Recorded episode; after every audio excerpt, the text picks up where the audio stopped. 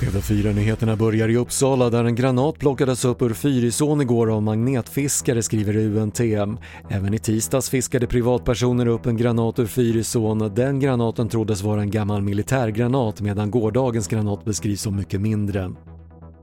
Antalet konkurser i Sverige under första halvåret har ökat och var betydligt fler än i grannländerna enligt siffror från affärsinformationsföretaget Bisnode.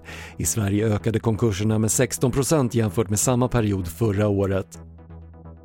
I USA fortsätter dygnssiffran över nya bekräftade coronafall att öka och Johns Hopkins-universitetet rapporterar över 65 000 nya fall senaste dygnet.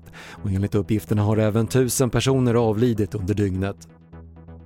Och minskat resande och uppmaningen att stanna hemma har gjort att den som behöver ansöka om pass kan få en tid redan nästa dag. I Stockholm har Polismyndigheten halverat antalet botningsbara tider men det finns ändå gott om tider. Det var det senaste från TV4 Nyheterna. Jag heter Patrik Lindström.